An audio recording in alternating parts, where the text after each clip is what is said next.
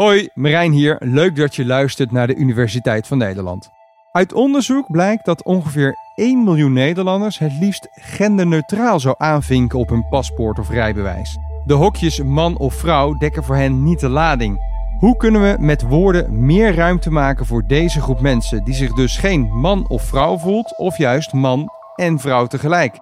Taalwetenschapper Hielke Vriesendorp onderzocht hoe de taal meebeweegt met deze nieuwe tijden en keek naar het toenemende gebruik van non-binaire voornaamwoorden zoals die en diens en hen en hun. Dit is een heel bijzondere situatie, ook taalkundig gezien, omdat we een taalverandering zien die vrij snel gaat op een heel diep level. Die voornaamwoorden zijn hele grammaticale woorden die we heel erg veel gebruiken en die dus ook enorm verankerd liggen in onze hersenen. En we kunnen nu zien wat er gebeurt als dat soort diepere eigenschappen van de taal met dit tempo veranderen. Ik doe onderzoek naar non-binaire voornaamwoorden.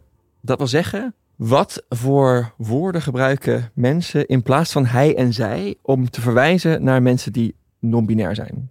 Non-binaire mensen, dat wil zeggen mensen die nog volledig man zijn, nog volledig vrouw zijn, of in ieder geval voor wie die labels man of vrouw niet helemaal de lading dekken. Dat is op zichzelf helemaal niks nieuws. En ook iets dat we eigenlijk door de eeuwen heen overal zien in allerlei verschillende culturen. Maar voor veel talen is daar nog niet helemaal de ruimte voor en worden die mensen toch weggelaten. Voor sommige nominaire mensen zijn hij en zij wel prettig of in ieder geval neutraal, zoals ik zelf bijvoorbeeld. Maar voor heel veel nominaire mensen is het ook helemaal niet prettig of past het totaal niet om hij of zij te gebruiken. En daarvoor zijn veel mensen op zoek naar alternatieven. Ik heb in het Nederlands onderzocht wat er dan allemaal organisch gaande is in onze taal om het over nominaire mensen te hebben zonder hij of zij te gebruiken. Grofweg zijn er in de talen van de wereld zo'n drie manieren waarop sprekers alternatieven voor hij en zij bijvoorbeeld vinden.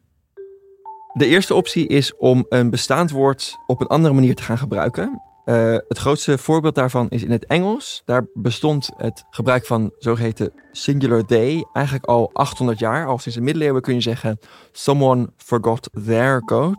Als je het hebt over iemand waarvan je het gender nog niet precies weet.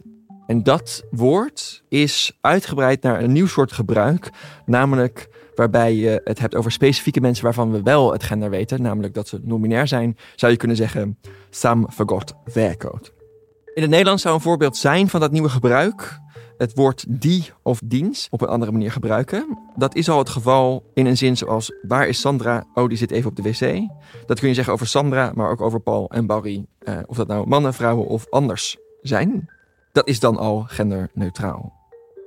Tweede optie is om een heel nieuw woord te introduceren. Uh, dat is in het Zweeds gedaan, waarbij het woord hen is bedacht als soort tussenvorm tussen han, wat hij betekent, en hoen, wat zij betekent. Dat is enorm succes. Uh, dat wordt gebruikt in vacatureteksten om bijvoorbeeld niet een voorkeur aan te geven voor mannen en vrouwen. En dat wordt ook gebruikt voor non-binaire mensen. In het Nederlands zou je dan kunnen denken aan een nieuw woord zoals zij of zij. Derde optie is van taal wisselen. Bijvoorbeeld het woord friend gebruiken in plaats van vriend of vriendin om het gender van vriend of vriendin te voorkomen. Voor voornaamwoorden zouden we dat in het Nederlands kunnen doen door bijvoorbeeld een leenvertaling uit het Engels te nemen, zoals zij zijn al naar huis of they zijn al naar huis. Of het lenen van het woord hen uit het Zweeds. Dat is dan niet alleen maar het lenen van een woord uit het Zweeds, maar eigenlijk ook een nieuw gebruik van het al bestaande Nederlandse woord hen, dat we al kennen als meervoudsvorm. Hoe werkt dit nou in de praktijk? Wat gebeurt er organisch in de samenleving als mensen het hebben over non-binaire mensen? We weten dat de algemene theorie is dat taal vaak voor de makkelijkste weg kiest. Maar wat is dan de makkelijkste weg voor de echte sprekers van het Nederlands die dit doen? Ik heb het gevraagd aan 656 taalgebruikers die aangaven inclusief taalgebruik op zijn minst een beetje belangrijk te vinden.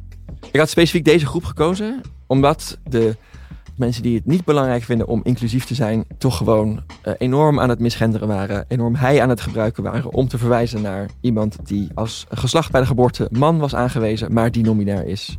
Ik wilde kijken wat gebeurt er nou eigenlijk bij de mensen die dus wel um, nieuwe ruimte willen creëren voor non-binaire voornaamwoorden.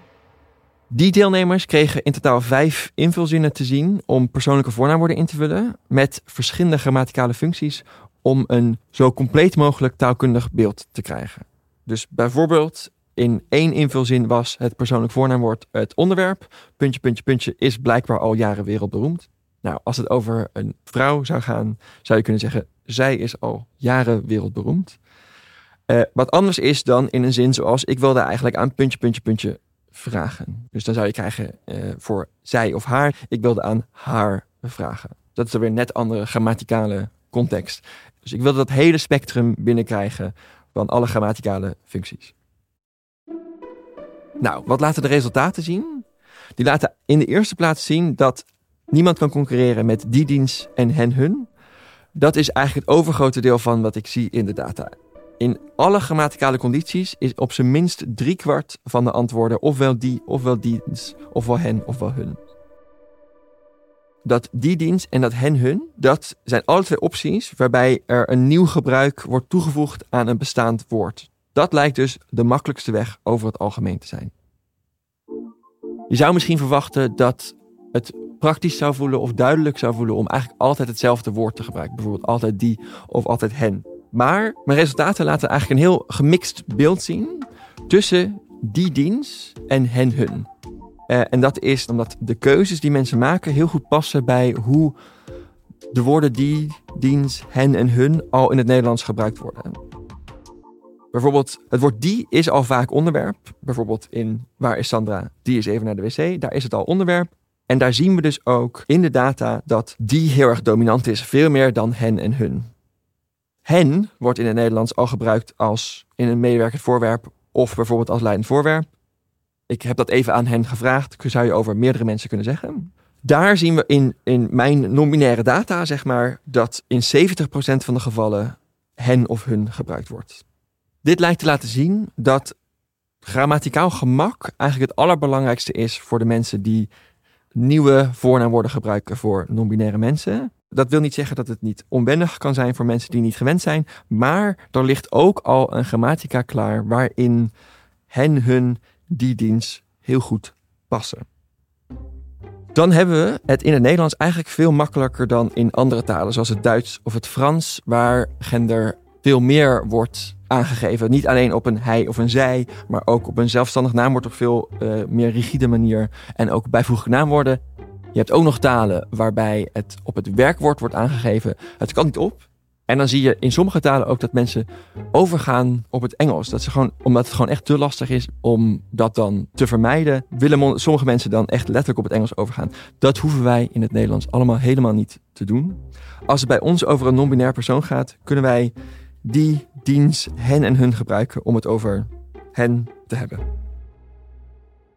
Dankjewel Hielke. En vond je dit nou een interessant onderwerp? Luister dan ook eens naar podcastaflevering nummer 82. Hoe is het om een vrouw te zijn als je je eigenlijk een man voelt? Dat bespreken we met psycholoog Mark Hommes van de Open Universiteit.